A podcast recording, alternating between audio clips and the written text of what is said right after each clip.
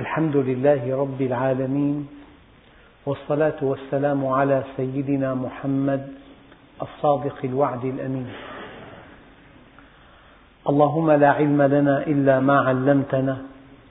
إنك أنت العليم الحكيم اللهم علمنا ما ينفعنا وانفعنا بما علمتنا وزدنا علما وأرنا الحق حقا وارزقنا اتباعه وأرنا الباطل باطلا وارزقنا اجتنابه واجعلنا ممن يستمعون القول فيتبعون أحسنه وأدخلنا برحمتك في عبادك الصالحين أيها الإخوة الكرام مع الدرس التاسع من دروس سورة آل عمران ومع الآية العشرين بسم الله الرحمن الرحيم الحمد لله رب العالمين والصلاة والسلام على سيدنا محمد الصادق الوعد الأمين اللهم لا علم لنا إلا ما علمتنا إنك أنت العليم الحكيم اللهم علمنا ما ينفعنا وانفعنا بما علمتنا وزدنا علما وأرنا الحق حقا وارزقنا اتباعه وأرنا الباطل باطلا وارزقنا اجتنابه واجعلنا ممن يستمعون القول فيتبعون أحسنه وأدخلنا برحمتك في عبادك الصالحين. أيها الأخوة الكرام، مع الدرس التاسع من دروس سورة آل عمران ومع الآية العشرين، وهي قوله تعالى: فإن حاجوك فقل أسلمت وجهي لله ومن اتبعني وجهي أي ذاتي وقد استدل بعض العلماء في قوله تعالى كل من عليها فان ويبقى وجه ربك وجه ربك أي ذاته العلية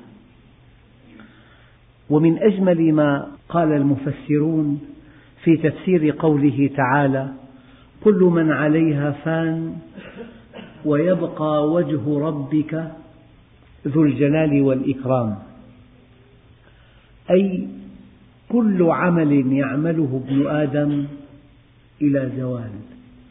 إلا عمل واحد ابتغى به وجه الله، هذا الذي يبقى إلى أبد الآبدين، وهذا الذي يسعده إلى أبد الآبدين، وهذا الذي يلقى جزاءه في يوم الدين إذا فإن حاجوك الإنسان أوتي جدلا لأنه أوتي فكرا هذا الفكر خلقه الله ليكون أداة معرفته قد يستغل لغير ما خلق له قد يستغله الإنسان ليغطي انحرافاته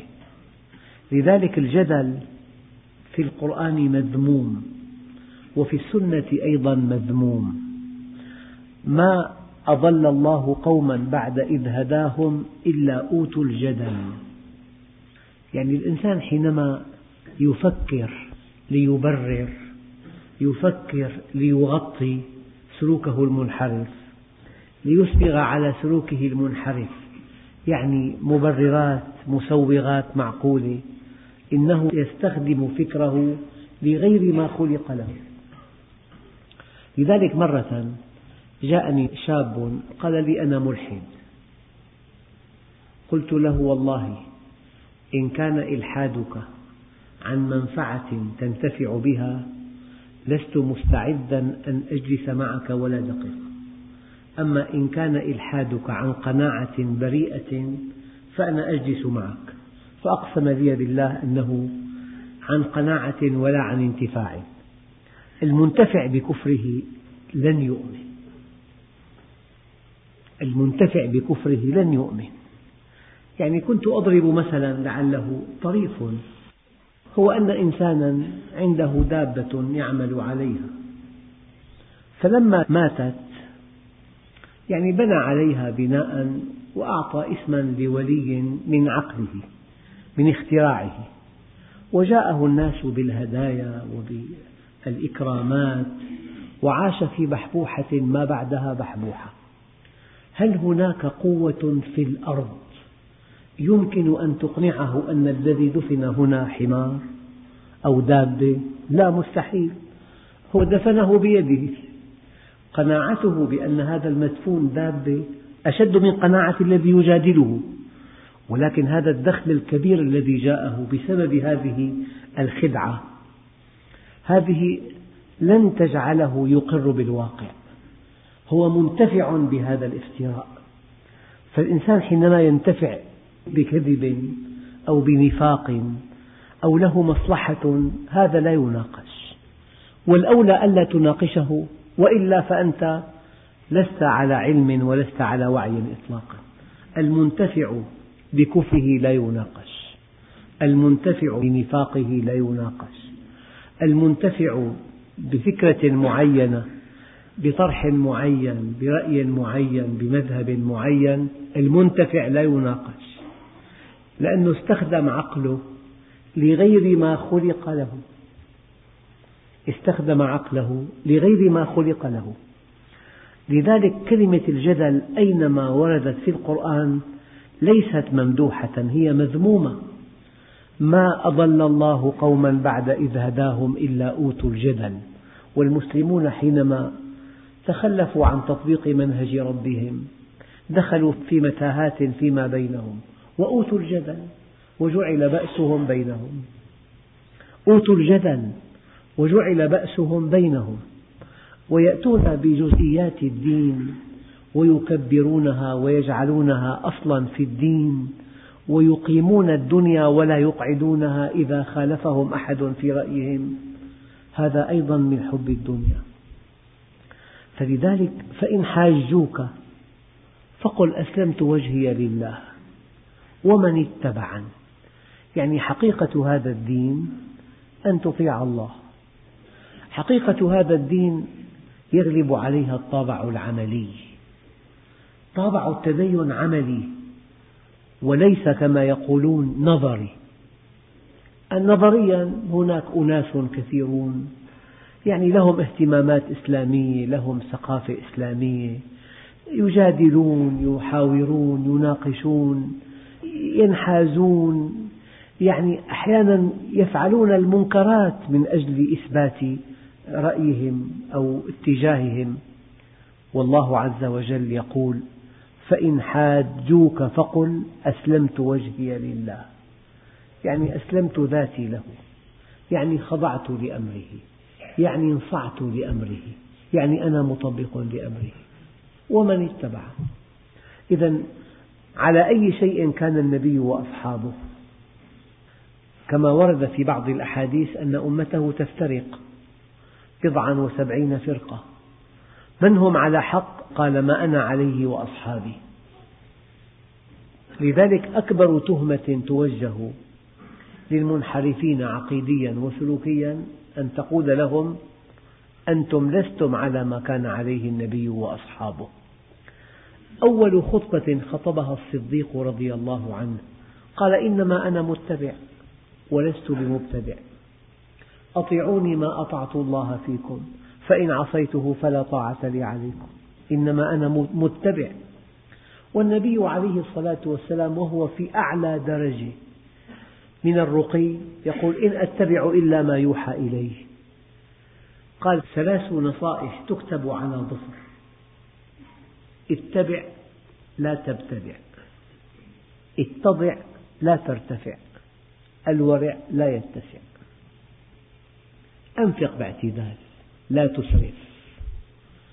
المترفون في القرآن الكريم في ثمان مواضع هم كفار كفروا وأترفناهم في الحياة الدنيا فاتبع لا تبتدع اتضع لا ترتفع الورع لا يتسع أيها الإخوة مرة ثانية هناك عقل صريح هذا أداة معرفة الله وهناك عقل تبريري هذا أداة لتغطية الانحراف وما كل فكر تقرأه فكر صريح قد يكون فكرا تبريريا قد يكون فكرا لتغطية انحراف شديد الإنسان منطقي في الأساس حتى لو ارتكب جرائم يفلسف هذه الجرائم ويجعلها مبررة حتى لو أكل أموال الناس بالباطل يفلسف هذا الانحراف حتى لو كان زير نساء له كلام مزين يقوله فالعبرة ما جاء به الوحي يعني هناك مقولات لا تنتهي هناك طروحات لا تنتهي هناك آراء لا تنتهي العبرة أن تصطفي من كل هذه المقولات ما جاء به الوحي لأنه من عند الله ما جاء به النبي عليه الصلاة والسلام لأنه لا ينطق عن الهوى القاعدة الثابتة التي لا تتزحزح ولا تتزلزل الكتاب والسنة ما إن تمسكتم بهما فلن تضلوا بعدي أبدا كتاب الله وسنة رسوله هذا منهج هذا صراط مستقيم هذا حبل الله المتين هذه سنة النبيين يعني إذا كان صار في جدال صار في نقاش سفسطائي إذا صار في حوار غير موضوعي فقل أسلمت وجهي لله ومن اتبعني يعني نحن في عنا نقل وهو الدين وفي عنا عقل العقل له دور في التأكد من صحة النقل قبل أن نقرأ النقل وله دور في فهم النقل بعد أن نقرأ النقل له دور قبل النقل في التأكد من صحته ودور بعد النقل في فهمه لكن لن يكون العقل حكما على النقل لأن العقل قد يخطئ وقد يصيب وقد يبالغ وقد يرتبط بواقع معين فكما أن أجدادنا لو قاموا من قبورهم ورأوا ما فعله الإنسان من إنجازات لا يصدقونها لأن عقولهم وقتها مرتبطة بواقع معين لكن حينما يرون أن هذه الأشياء المستحيلة أصبحت واقعة إذا هم حينما أنكروها ما كانوا على صواب إذا العقل مربوط بالواقع أما النقل مربوط بخالق الأكوان بشكل أو بآخر فقل أسلمت وجهي لله ومن اتبعني وقل للذين أوتوا الكتاب والأميين هنا الأميين أي مشركي العرب لا دين لهم هم على فطرة فيها سذاجة ما نعبدهم إلا ليقربونا إلى الله زلفى ففي الجزيرة كان هناك مشركون وكان هناك أهل كتاب وقل للذين أوتوا الكتاب والأميين أأسلمتم أيها الإخوة أأسلمتم أي أسلموا يعني ألم تسلموا بعد أأسلمتم أي أسلموا وماذا تنتظرون هذا المعنى الأول والمعنى الثاني تهديد أأسلمتم أم لم تسلموا أول معنى تقرير وفي معنى الإنشاء الأمر في معنى الاستفهام التقريري ألم تسلموا بعد؟ وفي معنى الطلب أسلموا وفي معنى التهديد أأسلمتم أم لم تسلموا؟ فإن أسلموا فقد اهتدوا وقل للذين أوتوا الكتاب والأميين أأسلمتم فإن أسلموا فقد اهتدوا وإن تولوا فإنما عليك البلاغ الإنسان مخير ومهمة الأنبياء تنتهي بالتبليغ ليس غير هناك مهمتان كبيرتان للنبي الكريم إحداهما مهمة التبليغ وثانيتهما مهمة القدوة ولعل مهمة القدوة أخطر وأبلغ من مهمة التبليغ أي إنسان أوتي فصاحة وبيانا وذاكرة وفهما وحفظا يبلغ لكن الذي يؤثر هناك من يقنعك وهناك من يحملك على اتخاذ موقف معين الذي يقنعك فصيح بليغ عالم أما الذي يحملك على أن تقف موقفا إيجابيا من الدين هو القدوة لذلك نحن في حاجة ماسة إلى قدوة صالحة كيف قيل إن النبي عليه الصلاة والسلام قرآن يمشي نحن في حاجة إلى مسلم يتحرك أمامنا يعني مسلم صادق أمين عفيف طاهر منصف متواضع رحيم هذا أبلغ كما كنت أقول لكم دائما حال واحد في ألف أبلغ من قول ألف في واحد يعني قول ألف رجل فصيح في واحد قد لا يؤثرون وحال إنسان مخلص متصل بالله وحال واحد أبلغ من قول ألف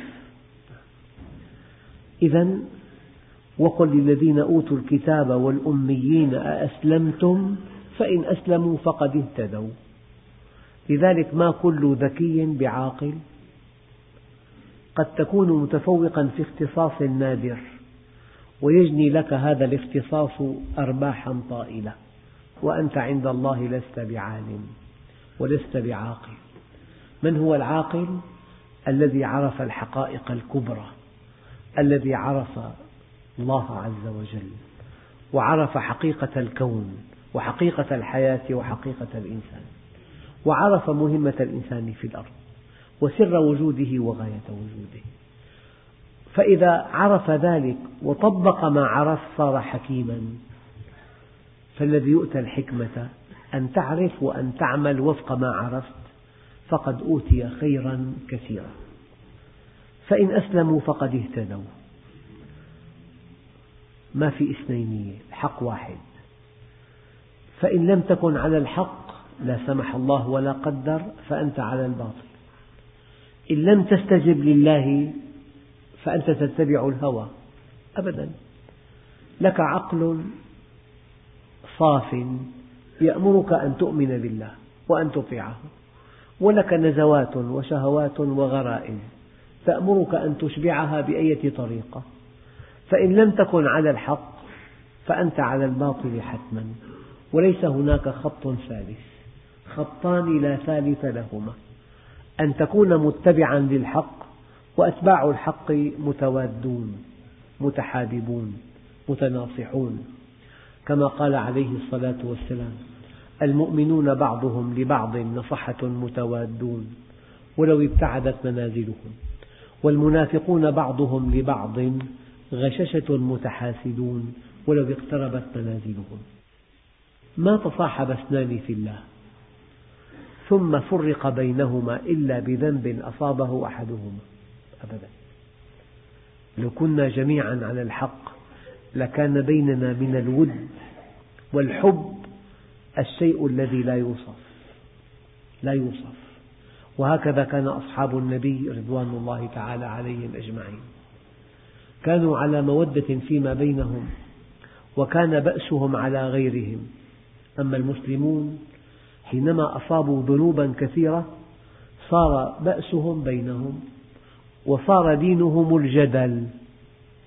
الإسلام والله بسيط أيها الإخوة الإسلام بسيط جدا وينبغي أن نبسطه هو هواء ينبغي أن نستنشقه دائما حاجتنا إلى الدين كحاجتنا إلى الهواء استنشاق الهواء ما في تعقيد فاتورة ما في عداد ما في أينما ذهبت هناك هواء تستنشقه لذلك الدين حاجتنا إليه أساسية جدا الإنسان خلق ضعيفا خلق هلوعا خلق عجولا ما الذي يلغي ضعفه اتصاله بالله إن الإنسان خلق هلوعا إذا مسه الشر جزوعا وإذا مسه الخير منوعا إلا المصلي ما الذي يلغي ضعفه أن يستعين بالله وما لي سوى فقري إليك وسيلة فبالافتقار إليك فقري أدفع فبالافتقار إليك فقري أدفع يعني أنت قوي بالله أنت عالم بالله أنت حكيم بالله أنت غني بالله أيها الإخوة فإن حاجوك فقل أسلمت وجهي لله ومن اتبعني جميل جدا أن تعلل وأن تبين وأن توضح والأجمل من ذلك أن تتبع يعني المؤمن الصادق لا يعلق تطبيقه لأمر من أوامر الله على فهمه أو على فهم حكمته هو عندئذ يعبد نفسه هو عندئذ لا يعبد ربه متى يعبد ربه حينما يثبت له أن هذا أمر الله يطبقه فهمه أو لم يفهمه اقتنع به أو لم يقتنع به أحب ذلك أو لم يحب لأنه في اعتقاده أن علة كل أمر أنه أمر يعني مرة كنت في جلسة نشب جدل طويل بين التعدد وعدم التعدد الذي يتحدث عن التعدد هو تعدد يعني تزوج عدة زوجات ويقول هو الأصل هو الأصل والذي بقي على زوجة واحدة يقول لا التوحد هو الأصل واختلفوا قلت كلمة قلت أنا مرة سمعت سؤالا موجها إلى أستاذه في الجامعة في مصر عن التعدد أجابت إجابة لم أرى إجابة أكثر وضوحا وأصولية منها قالت كيف لي أن أدلي برأيي في التعدد وقد سمح الله به ما دام سمح الله به لا معنى أن أدلي برأي في التعدد يعني الإنسان يجب أن يوطن نفسه على أنه إذا رأى أن هذا أمر الله انتهى الأمر لا يمكن أن يخضع أمرا إلهيا للمناقشة العقلية يفكر فيه بعقله ليكتشف إيجابياته فقط ليكتشف حكمته أما أن يضعه على بساط البحث ليقبله أو ليرفضه معاذ الله عندئذ ليس مؤمنا ما كان لمؤمن ولا مؤمنة إذا قضى الله ورسوله أمرا أن يكون لهم الخيرة من أمرهم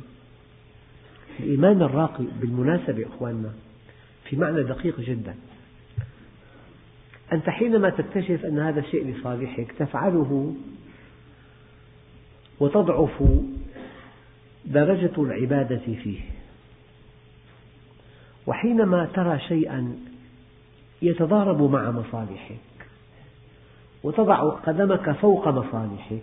وتطبق هذا الشيء ابتغاء مرضاة الله يرتفع هنا مستوى العبادة في هذا الشيء إذا دائما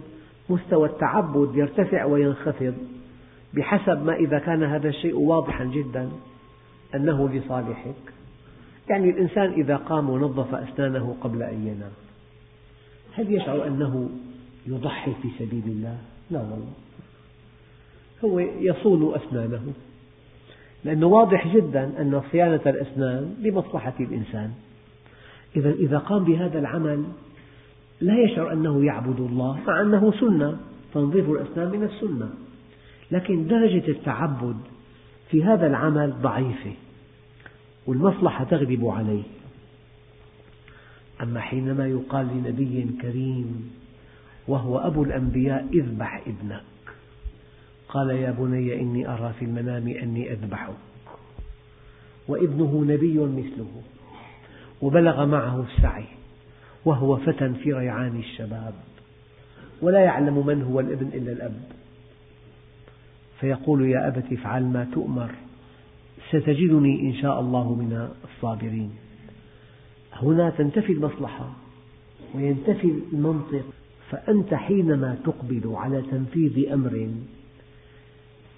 تعارض مع مصلحتك فآثرت طاعة الله على مصلحتك أنت ارتقيت إلى أعلى مستوى في العبودية لله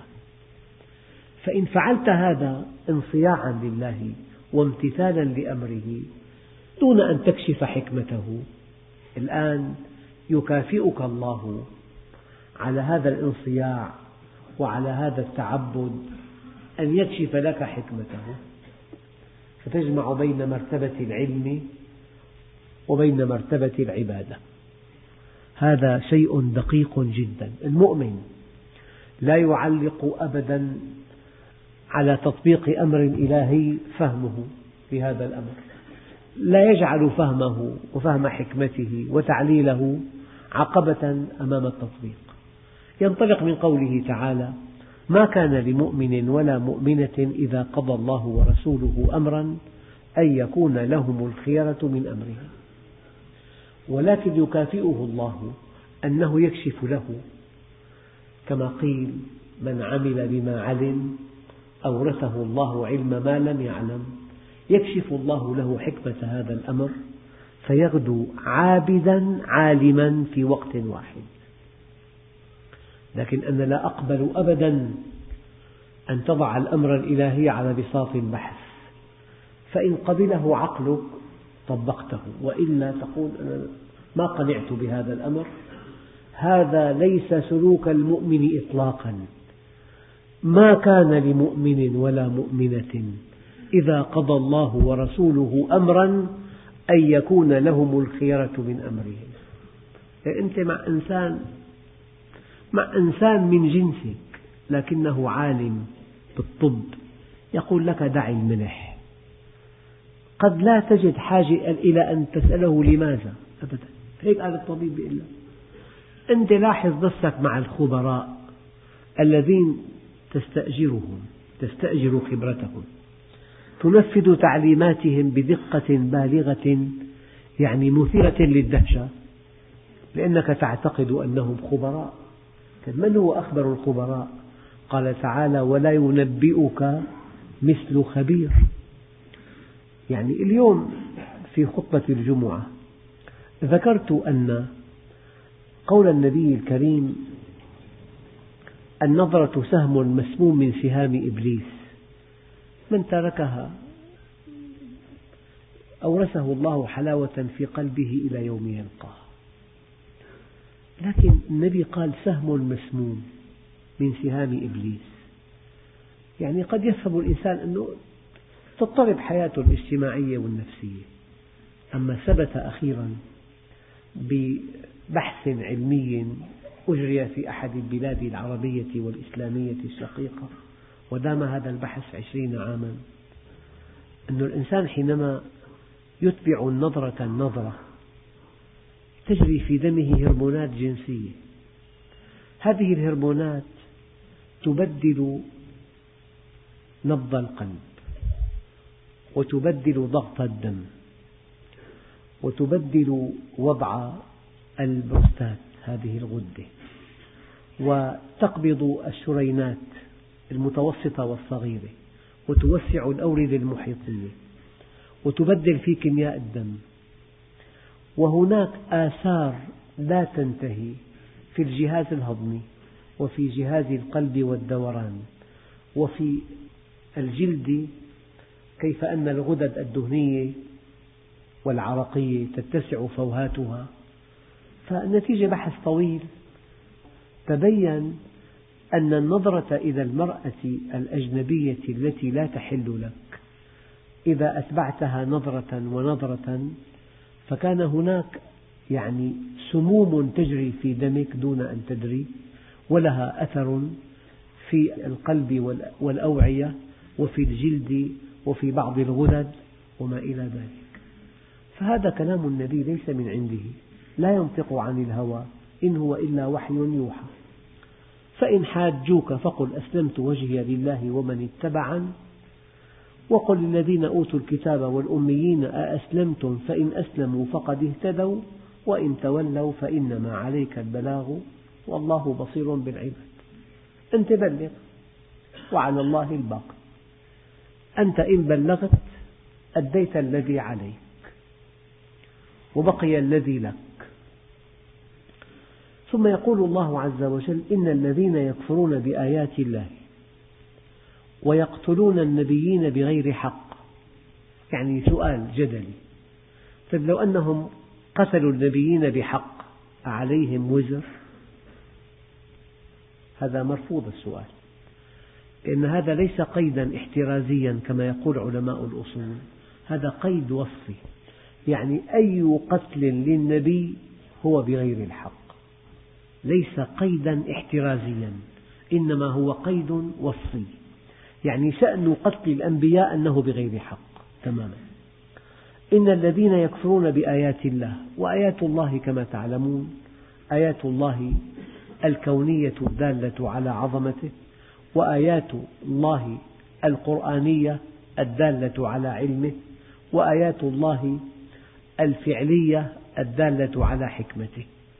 فحينما يكفر الإنسان بها أي لا يعبأ بها ولا يتخذها وسيلة لمعرفة الله عز وجل وبالمقابل هذا الذي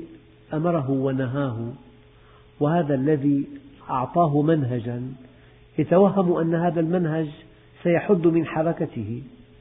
ويلغي حريته في الحركة مثل هذا الإنسان يعني كما قال الله عز وجل يكفر بآيات الله ويقتل النبيين بغير حق بل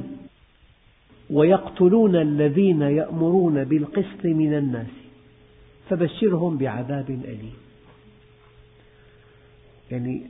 لا أرى أن في الأرض أشقى ممن يقف ضد الحق ممن يقف معاديا لأهل الحق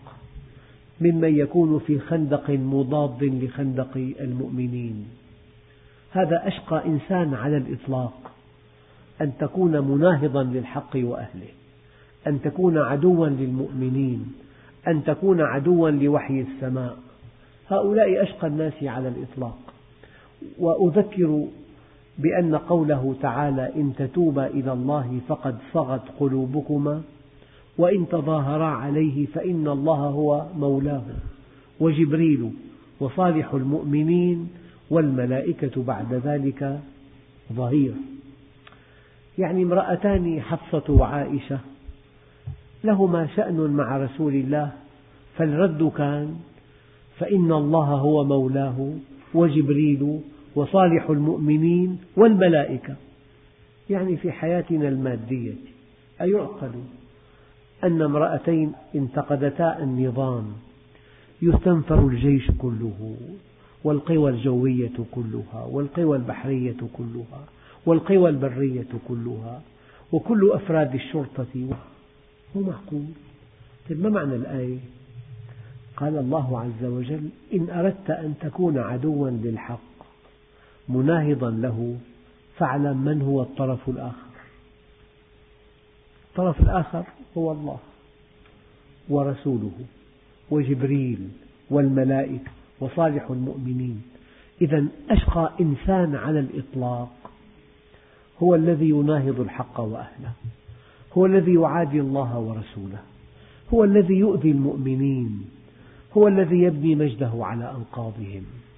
هذا إنسان من أشقى البشر إن الذين يكفرون بآيات الله ويقتلون النبيين بغير الحق ويقتلون الذين يأمرون بالقسط من الناس فبشرهم بعذاب أليم يقول عليه الصلاة والسلام بئس القوم قوم يقتلون الذين يأمرون بالقسط من الناس بئس القوم قوم لا يأمرون بالمعروف ولا ينهون عن المنكر بئس القوم قوم يمشي المؤمن بينهم بالتقية رواه أبو عبيدة بئس هؤلاء يعني بئس القوم قوم خافهم المؤمن بئس القوم قوم مشى بهم المؤمن بالتقية يعني يخاف أن يعلن إيمانه بئس القوم قوم يقتلون المؤمنين يقتلون الذين يأمرون بالمعروف وينهون عن المنكر أولئك الذين حبطت أعمالهم في الدنيا والآخرة وما لهم من ناصر من أنت؟ أنت عملك الصالح بعملك الصالح تسلم وتسعد وترقى فإن كان عملك سيئا أنت أشقى الناس هكذا أولئك الذين حبطت أعمالهم يعني عملهم صار شريرا طبعه الشر أو عملهم مقبول لكن نواياهم ليست سليمة أنت قد تقوم بعمل ظاهره مقبول لكن النوايا دنيوية النوايا شهوانية النوايا مكاسب فحينما تكون النية سيئة يحبط العمل أو حينما يكون العمل سيئا لا قيمة لنيته فشرطان كل منهما لازم غير كاف ينبغي أن يكون عملك صوابا وفق منهج رسول الله وينبغي أن يكون عملك خالصا لوجه الله فإن فعلت هذا وذاك كان الله معينا لك أولئك الذين حبطت أعمالهم في الدنيا والآخرة لذلك ورد عن رسول الله عليه الصلاة والسلام أنه يؤتى بقوم يوم القيامة لهم أعمال كجبال تهامة يجعلها الله هباء منثورا قيل يا رسول الله جلهم لنا قال إنهم يصلون كما تصلون ويأخذون من الليل كما يأخذون ولكنهم إذا خلوا بمحارم الله انتهكوها يعني أخطر شيء أن تكتشف أنك لست فالحا لا في الدنيا ولا في الآخرة الدنيا تنتهي والموت ينهي كل شيء ينهي قوة القوي وينهي غنى الغني وينهي وسامة الوسيم وينهي صحة الصحيح وينهي مرض المريض والآخرة عملتها الرائجة العمل الصالح الخالص لوجه الله فإن كان لك عمل صالح ليس لوجه الله حبط العمل وإن كان عملك لا سمح الله سيئا ولو أن نيته صالحة لا قيمة له عند الله فلا تنسوا هذه الحقيقة أن يكون خالصا وصوابا خالصا ما ابتغي به وجه الله وصوابا ما وافق السنة ورد عن النبي صلى الله عليه وسلم أنه قال من أمر بالمعروف أو نهى عن المنكر فهو خليفة الله في الأرض وخليفة رسوله وخليفة كتابه وسأل النبي رجل من أصحابه قال يا رسول الله من خير الناس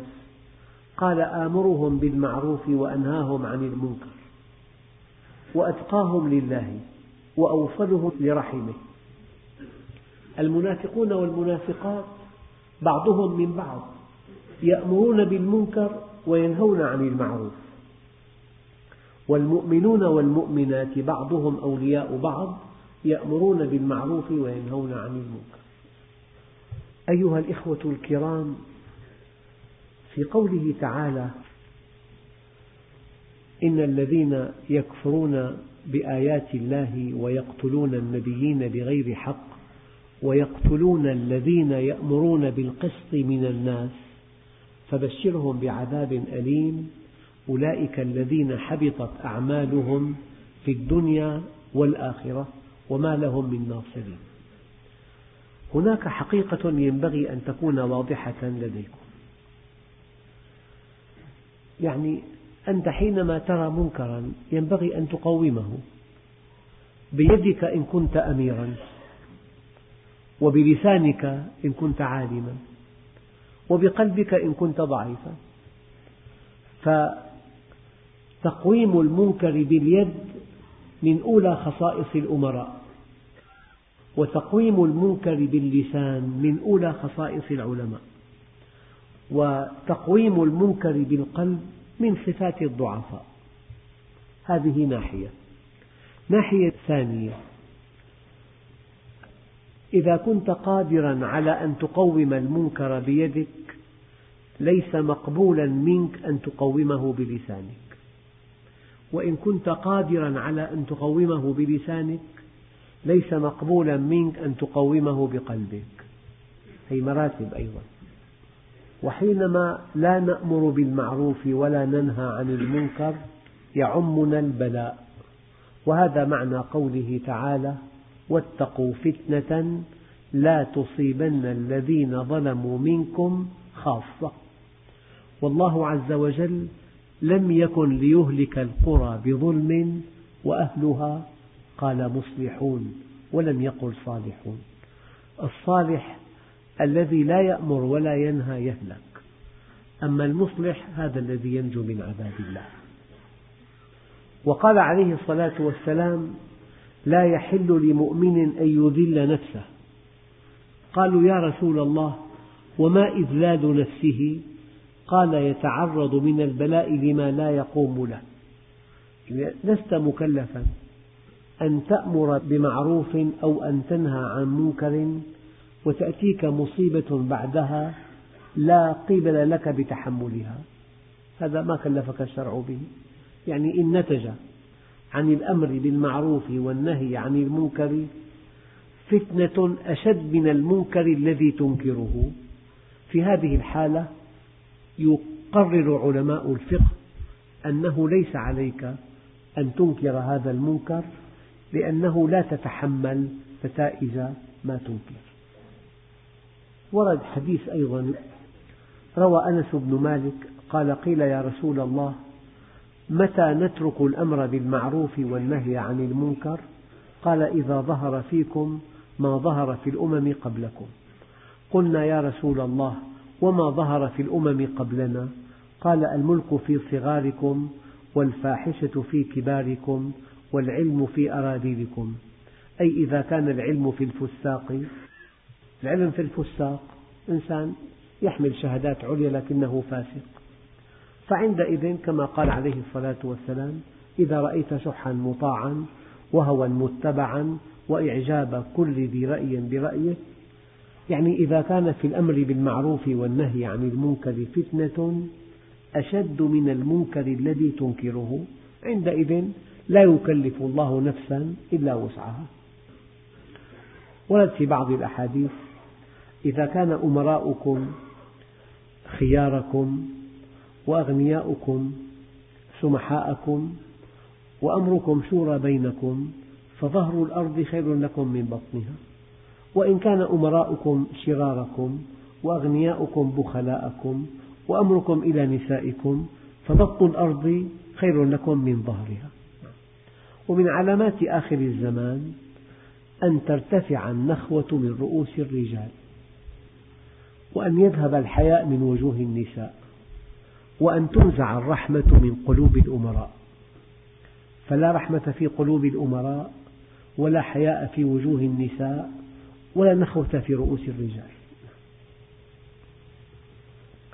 ثم يقول الله عز وجل ألم تر إلى الذين أوتوا نصيبا من الكتاب يدعون إلى كتاب الله ليحكم بينهم ثم يتولى فريق منهم وهم معرضون ورد في أسباب نزول هذه الآية أن رسول الله صلى الله عليه وسلم دخل بيت المدراس على جماعة من يهود فدعاهم إلى الله فقال نعيم بن عمرو على أي دين أنت يا محمد فقال النبي إني على ملة إبراهيم فقالا إن إبراهيم كان يهوديا فقال النبي عليه الصلاة والسلام فهلموا إلى التوراة فهي بيننا وبينكم فأبيا عليه فنزلت هذه الآية ألم ترى إلى الذين أوتوا نصيبا من الكتاب يدعون إلى كتاب الله ليحكم بينهم ثم يتولى فريق منهم وهم معرضون هؤلاء اليهود الذين أوتوا نصيبا من الكتاب والذين يرفضون أن يحتكموا إلى الكتاب ما الذي حملهم على ذلك؟ قال ذلك بأنهم قالوا لن تمسنا النار إلا أياما معدودات طيب وهؤلاء الذين قالوا إن النبي صلى الله عليه وسلم سيشفع لنا ولو فعلنا ما فعلنا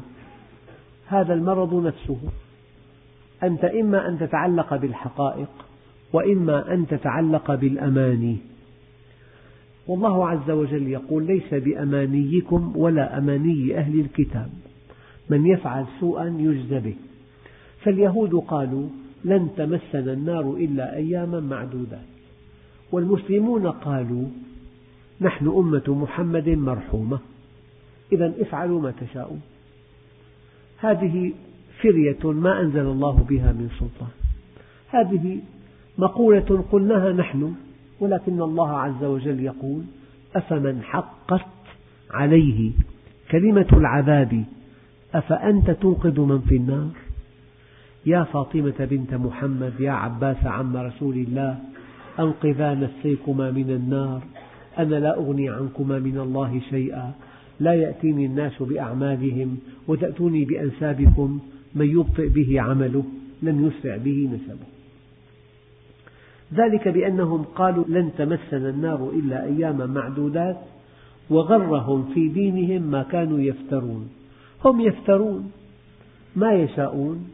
ثم يصدقون ما يفترون شيء مضحك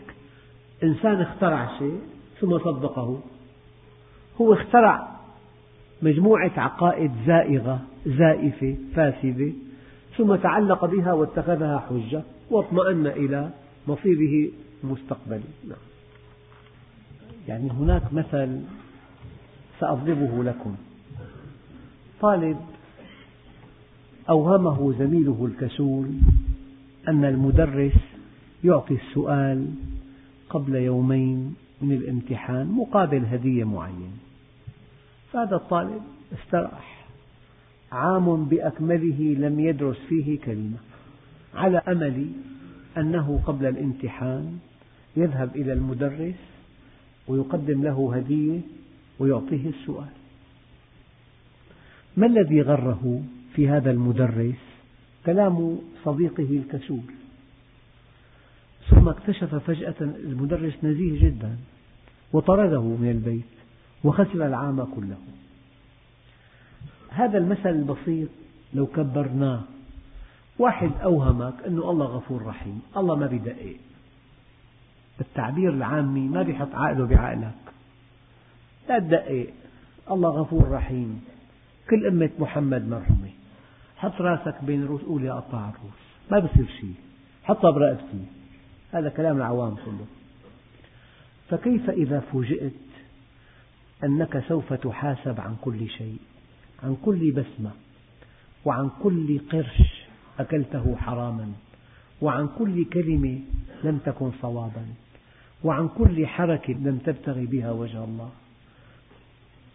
فوربك لنسألنهم أجمعين عما كانوا يعملون طيب ماذا تفعل بقوله تعالى فمن يعمل مثقال ذرة خيرا يره ومن يعمل مثقال ذرة شرا يره ماذا تفعل بقوله تعالى وإن تك مثقال حبة من خردل أتينا بها وكفى بنا حاسبين ماذا تفعل فيا أيها الإخوة ما الغرور أن تتوهم عن الله أشياء ليست صحيحة هو منزه عنها أما الجواب الصاعق فكيف إذا جمعناهم ليوم لا ريب فيه ووفيت كل نفس ما كسبت وهم لا يظلمون وين الأماني؟ أين الأماني؟ أين الأحلام؟ أين التوهمات؟ فكيف إذا جمعناهم ليوم لا ريب فيه ووفيت كل نفس ما كسبت وهم لا يظلمون إذا معنى قوله تعالى ذلك بأنهم قالوا لن تمسنا النار إلا أياما معدودات وغرهم في دينهم ما كانوا يفترون لذلك أيها الإخوة الكرام يا أيها المؤمنون يعني امسحوا عقائدكم مسح يعني اعملوا جرد أية عقيدة لا توافق الكتاب والسنة انبذوها وإلا هي مدمرة لأن كل خطأ بالاعتقاد يقابله خطأ في السلوك كل خطأ في الاعتقاد يقابله خطأ في السلوك لا بد من أن تتفحص ما ترسب في نفسك خلال هذا العمر هل هناك عقيدة غير صحيحة هل هناك غرور معين هل هناك اغترار بالله هل هناك حديث موضوع تظنه صحيحا هل هناك وهم تظنه حقيقة أن هنا مشكلة فذرهم يخوضوا ويلعبوا حتى يلاقوا يومهم الذي فيه يصعقون في صعق فهم اعتقدوا أنه لن تمسنا النار إلا أياما معدودة وغرهم في دينهم ما كانوا يفترون فكيف إذا جمعناهم